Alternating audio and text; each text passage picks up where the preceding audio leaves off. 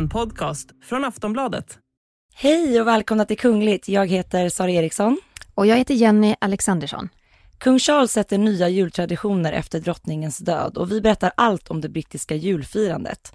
Och så ska vi även prata om hur danska och svenska kungafamiljen kommer att fira jul i år. Och Meghan, hon har blivit påhoppad av en känd tv-profil. Och så ska vi prata om det svåra läget för Harry och Meghan nu inför vårens stora händelse.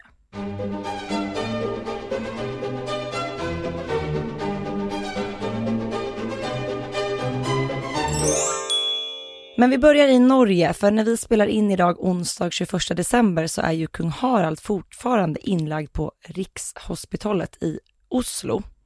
Och eh, kungen lades in på sjukhuset under måndagen för att få antibiotika intravenös då han drabbas av en infektion. Och norska hovet meddelade att kungen kommer att bli kvar på sjukhuset i några dagar. Jenny, kungen är ju, kung Harald är 85 år gammal och han har ju faktiskt det senaste året drabbats av en hel del sjukdom. Ja, men jag tycker att vi, vi fått meddelanden från norska hovet ganska regelbundet ändå om att han eh, blivit inlagd på sjukhus då och då. Eh, I augusti, då fick han också en infektion som var tvungen att behandlas. Så, ja, 2020, då genomgick han faktiskt en hjärtklaffsoperation. Det var också på Rikshospitalet i Oslo.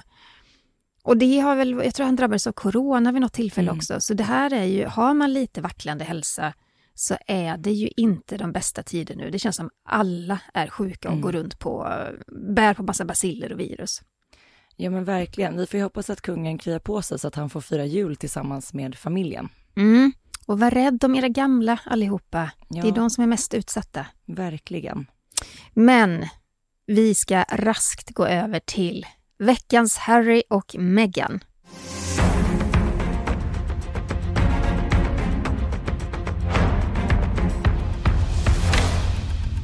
Det har ju stormats en hel del sedan Harry och Meghans Netflix-serie i sex delar hade premiär på Netflix. Sprickan inom familjen den är ju djupare än någonsin. Frågan är om de någonsin kommer kunna förenas. Ja, det, det, är inte den känslan man får nu och jag tycker det känns väldigt sorgligt. Jag menar, både prins William och prins Harry har ju stått väldigt nära varandra och de har ju själva berättat i flertalet intervjuer just hur, hur de har betytt mycket och stöttat varandra genom den här tuffa, eller alla tuffa perioder i deras liv, särskilt då när Diana omkom. Och det känns så sorgligt nu att se hur de har glidit ifrån varandra och det känns ju inte ens som att de pratar med varandra längre, särskilt inte efter vad som framkom i dokumentären. Och ja, det känns som att både prins Harry och Meghan är väldigt negativt inställda till både William och Kate och mm. säkert ömsesidigt. Men det, jag tycker det känns väldigt sorgligt. Ja, och i dokumentären så berättar ju Harry och Meghan om det här sista kungliga eh, ja, framträdandet de hade tillsammans med kungafamiljen. Och det var ju vid Commonwealth Day 2020 i Westminster Abbey. Och jag kommer ihåg att Meghan kom dit i en ursnygg grö, alltså ett grönt fodral med en liten cap och en snygg hatt. Eh, hon sa ju också i dokumentären att fram till dess hade hon klätt sig i beige, svart och dova toner för att hon inte ville sticka ut. Men sen de hade tagit beslutet, då ville hon klä sig som regnbågen. Mm. Och den här gröna klänningen blev ju otroligt eh, omtalad. Men det var inte den som vi ska prata om, utan vi ska prata om det faktum att Harry och Meghan verkligen slår fast att när de klev in i Westminster Abbey och träffade familjen, då var det fruktansvärt frostigt. Ja, prins Harry berättar ju att, eh, eller han säger så här, som vanligt var det viktigast för familjen hur det såg ut och inte hur det kändes. Och de pratar mycket om hur, hur stel den här stämningen var när de träffades, att de inte hade direkt träffats eller pratat ut efter att de hade valt att lämna eh, deras kungliga roller, utan att det här var ett, varit ett väldigt stelt och formellt eh, tillfälle då de alla träffades. Och jag kommer ihåg hur, hur brittiska medier rapporterade, de kollade ju på sån här läpptolkning och man såg lite vad, vad paren pratade om och man såg ju hur hur Edward och Sophie pratade ganska mycket med William och Kate, men eh, man kunde verkligen se hur Harry och Meghan verkligen var bara, ja men bara de två. Alltså det fanns inte direkt någon, det var lite så här stelt hej bara mellan mm. familjen, men ingenting mer om det. Eh, och sen så klev de ju faktiskt, det blev deras sista så att säga kungliga framträdande som fortfarande var en, för att vara en del av det kungliga huset. Men den här Netflix-dokumentären då, den spelade också in, spelades in innan drottning Elizabeth dog, så att hela familjen har ju samlats efter det, alltså vid drottningens begravning, men då inte Harry och Meghan som en del av det kungliga huset.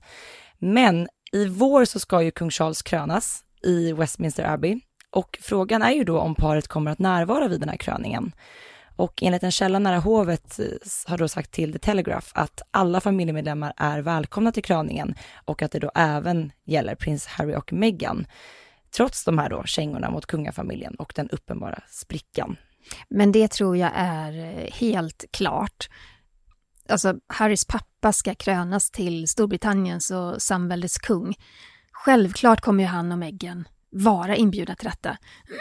Förlåt, det skulle ju väcka så otroligt mycket kritik ifall han utesluter en av sina söner. Och jag tror att vid ett sådant tillfälle, då, då får man liksom bortse från bråk och konflikter inom familjen, för att där måste man nog stå enad, ha en enad front. Mm. Men jag tänker just det, när de, när de gjorde entré i det sammanhanget i den kungliga rollen som blev det sista, då hade det ju fortfarande inte då Oprah-intervjun släppts, den släpptes ju ett år senare lite drygt och nu också den här dokumentären som har släppts efter att de sågs vid begravningen. Så att man... Ja, det kommer nog inte bli lätt. Jag tror att det Nej. kommer vara jättesvårt för många i familjen eh, att mötas på det viset. Men en sån här stor kröning i modern tid, eh, jag, jag tror att det vore så konstigt om de uteslöts. Ja, eller, om de, eller om de ens tackade nej. Liksom. Ja, jag tror att vi kan räkna med att se dem vid kröningsceremonin. Men vi måste ju också prata om det att det är ju många som har reagerat väldigt starkt på Harry och Meghans dokumentär. Eh, men kanske så är det tv-profilen Jeremy Clarkson som har reagerat allra starkast.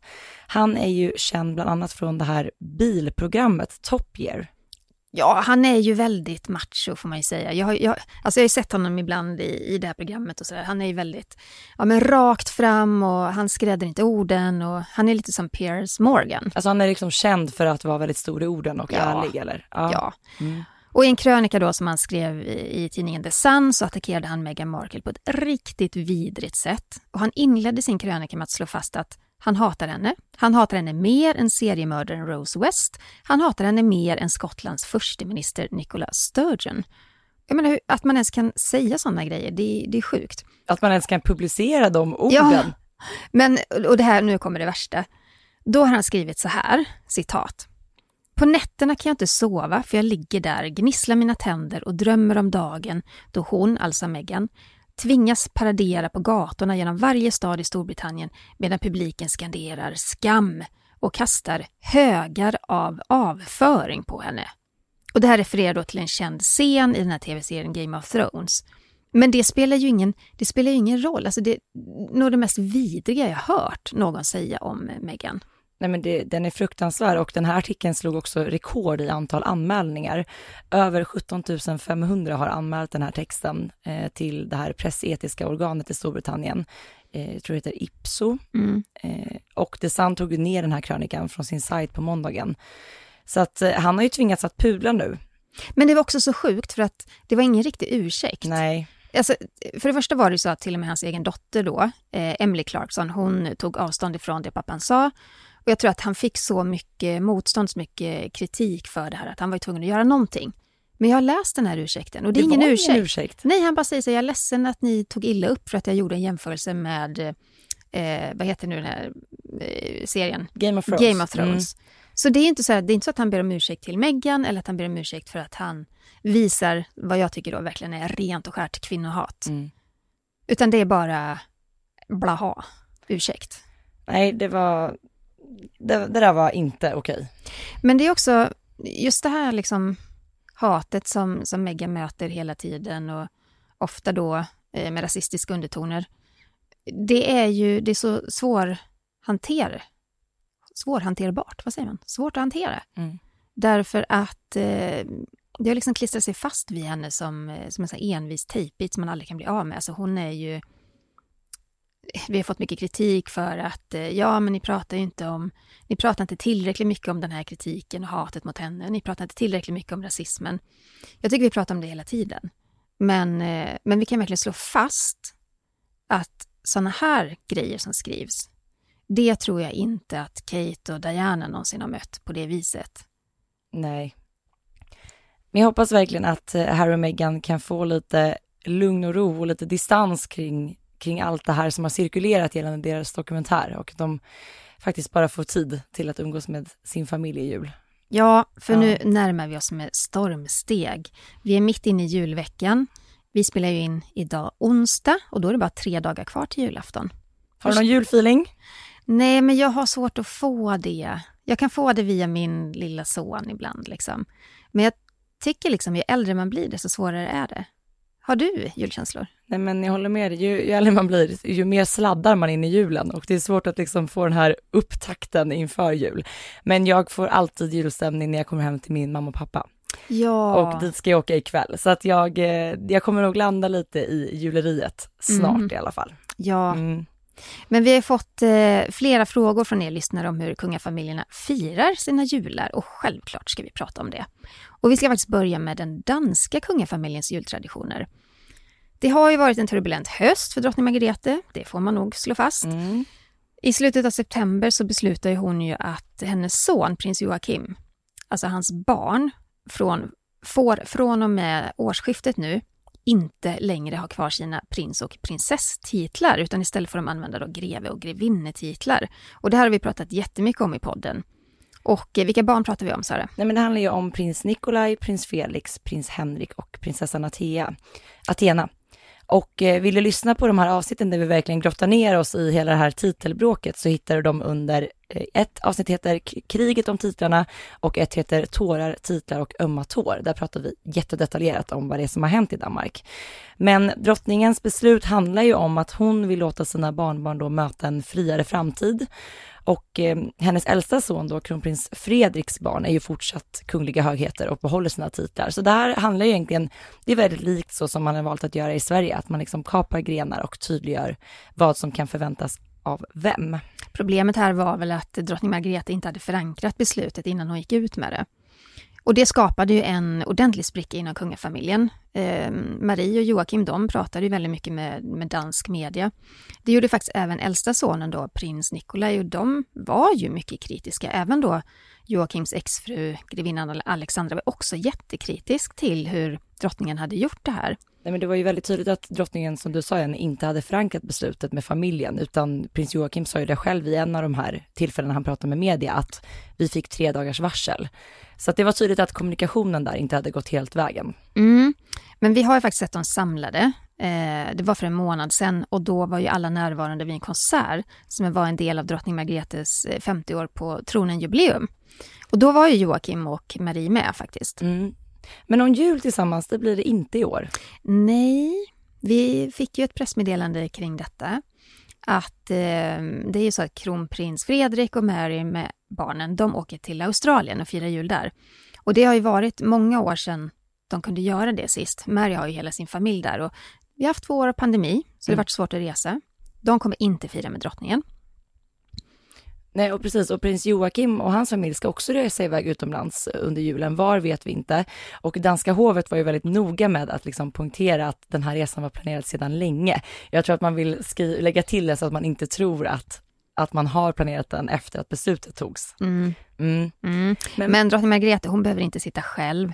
Eh, hon firar ju faktiskt på Marselisborgs slott i Århus och där finns också hennes syster, prinsessan Benedikte, och, eh, och goda vänner. Så att hon, hon får fira utan barnen och barnbarnen, men hon har ju eh, härliga människor omkring sig. Jag måste säga att danska hovet har verkligen haft en ordentlig eh, upptakt inför julen.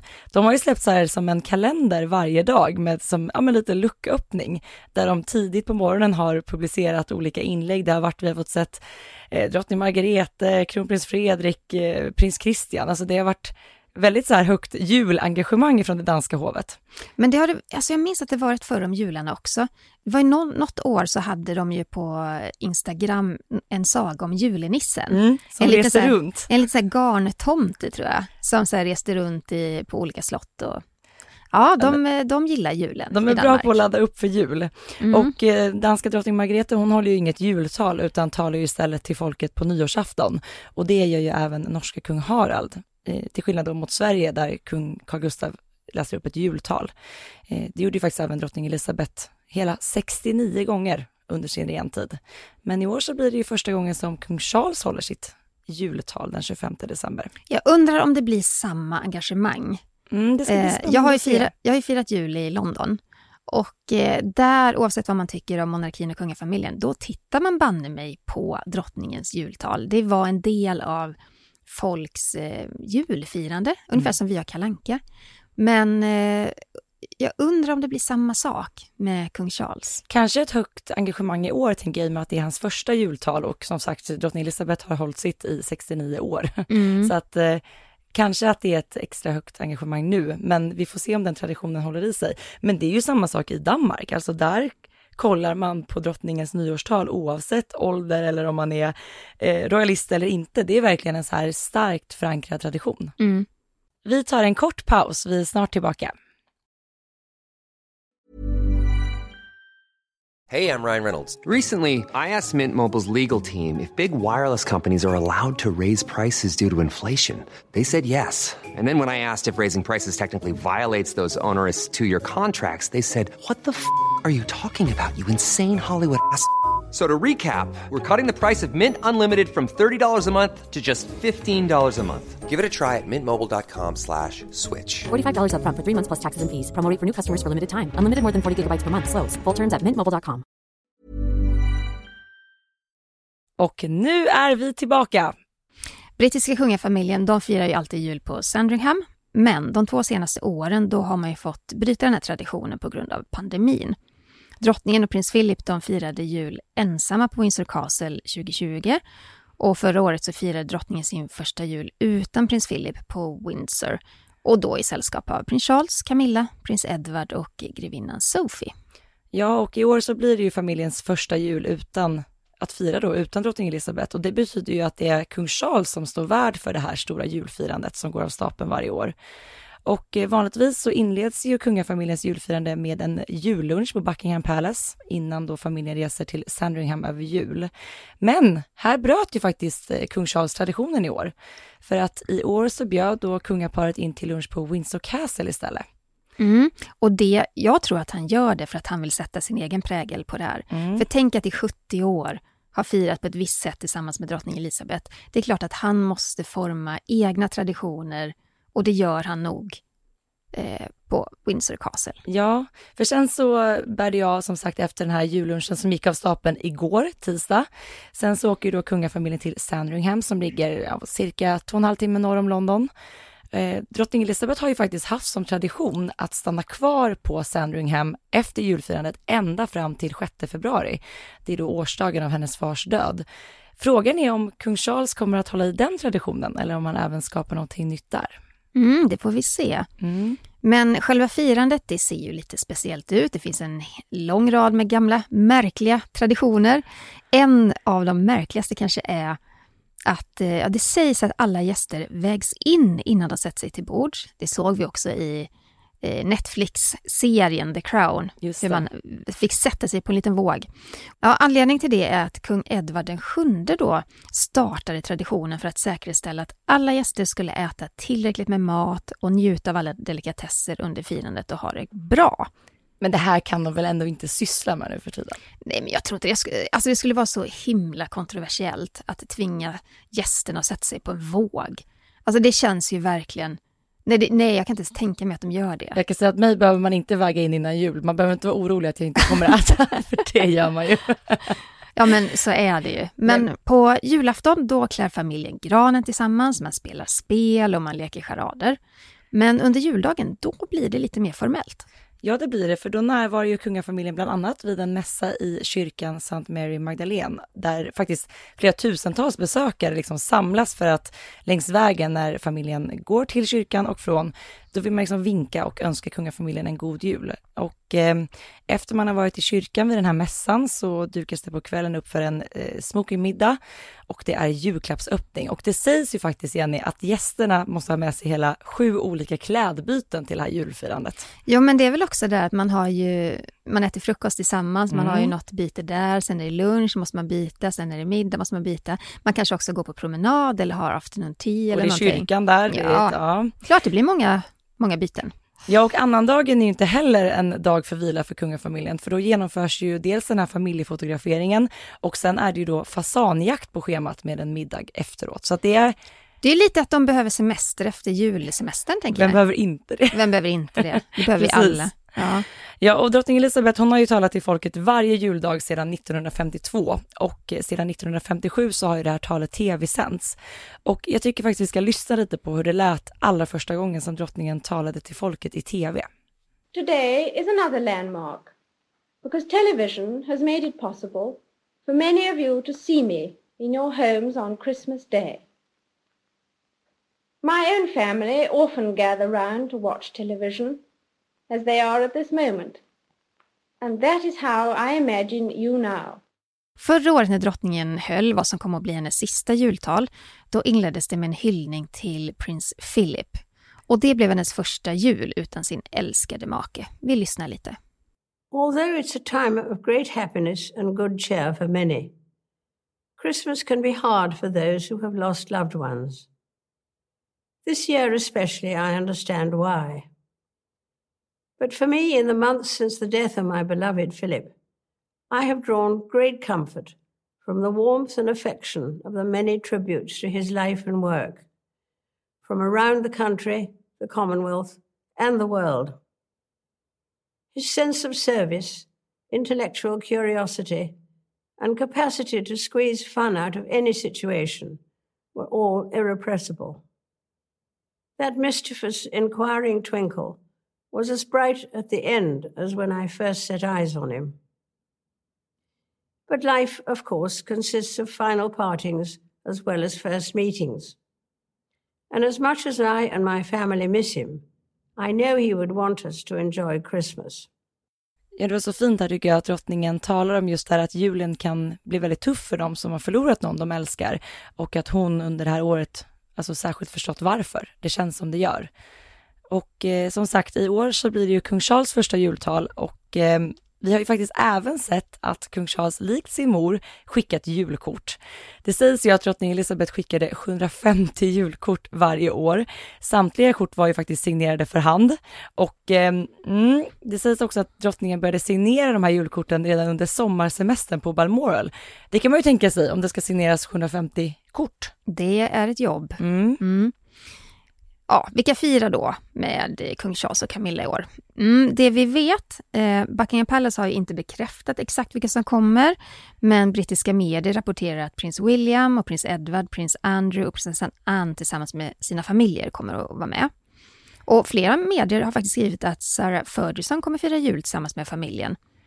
Under de 30 år som hon och Andrew varit skilda så har hon inte varit med vid det här kungliga julfirandet sedan dess. Men det verkar bli annorlunda nu när Charles då tar besluten. Mm. Och Harry och Meghan, vad tror vi? Eh, de har säkerligen fått en inbjudan till jul, men vi har inte hört någonting om att de skulle komma hem för att fira jul med familjen. Nej men ja, nej men det, man kan ju inte veta om de fått en inbjudan. Nej. Alltså hade jag varit William så hade jag ju varit väldigt ledsen på min brorsa. Och då kanske inte jul är bästa dagen eller helgen att tala ut kring det där. Men eh, ja, man vet inte, det är väldigt formellt i den brittiska kungafamiljen, så kanske har de fått en inbjudan då. Jag, jag börjar fundera också på prins Andrew och alla de här han var inblandad i en rättsprocess. Han blev anklagad för våldtäkt på en underår, mindreårig eh, tjej. Och eh, han betalar sig ur den eh, processen. Men han har också blivit av med alla sina kungliga uppdrag och så vidare. Kommer vi få se honom, Sara? Vid, vid den här promenaden vid kyrkan till exempel, vad tror du? Jag skulle bli förvånad ifall att han faktiskt är med vid den. Det är klart att han säkerligen firar jul ihop med sin familj, eh, men när det kommer till just de här officiella framträdandena som kungafamiljen gör så är ju han inte längre välkommen, utan han syns ju inte i de sammanhangen längre. Och även om så här, det är jul och det är ganska så privat så är ju just den här promenaden till och från kyrkan ändå Väldigt officiell. Väldigt och det samlas så mycket människor eh, kring kungafamiljen och media är på plats. Så att jag har svårt att se att han kommer närvara då. Jag skulle bli väldigt förvånad. Mm, vi får kolla in bilderna sen när de kommer. Ja. Men svenska kungafamiljen, de har ju också väldigt eh, fasta rutiner och traditioner för sitt firande.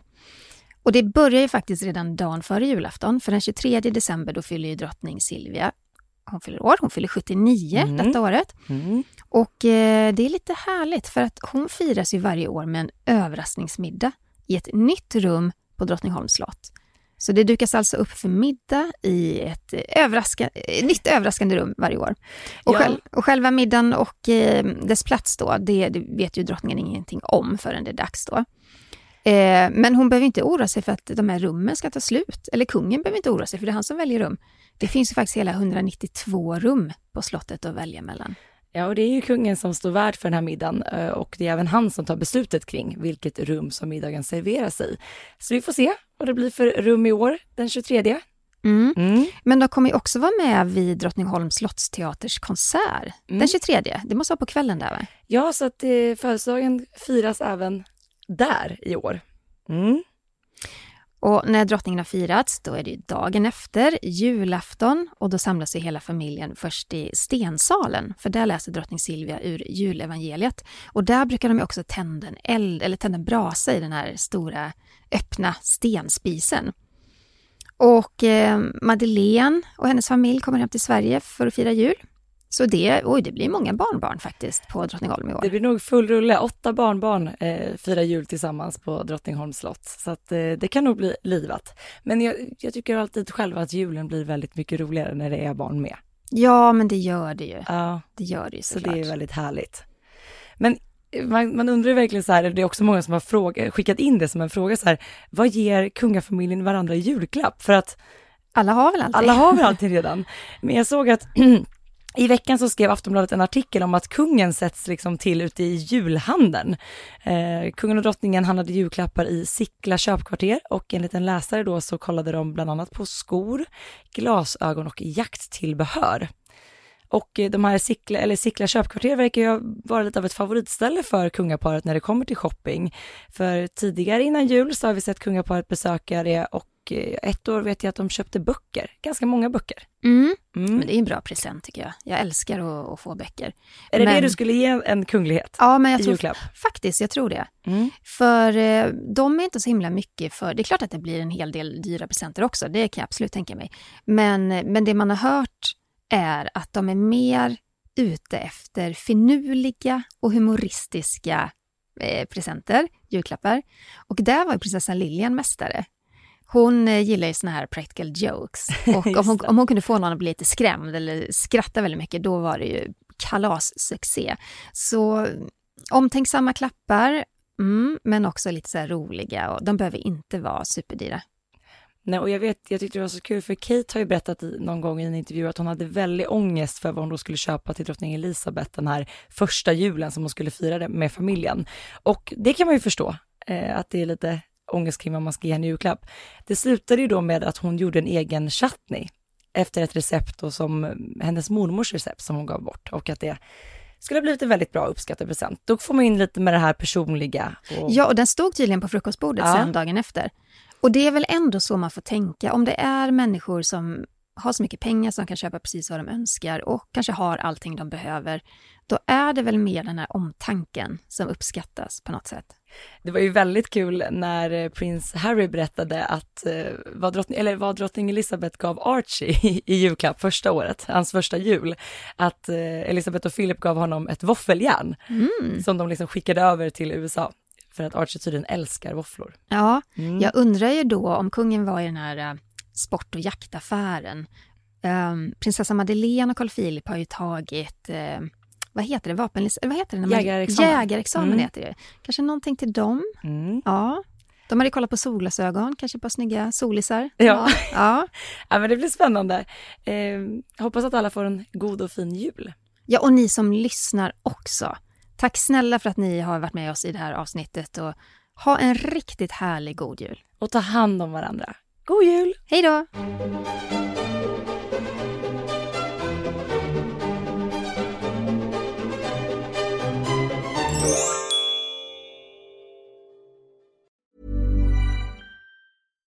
Millions of people have lost weight with personalized plans from Noom, like Evan, who can't stand salads and still lost 50 pounds. Salads, generally, for most people, are the easy button, right? For me, that wasn't an option. I never really was a salad guy. That's just not who I am. But Noom worked for me. Get your personalized plan today at Noom.com. Real Noom user compensated to provide their story. In four weeks, the typical Noom user can expect to lose one to two pounds per week. Individual results may vary. Du har lyssnat på en podcast från Aftonbladet. Ansvarig utgivare är Lena K Samuelsson.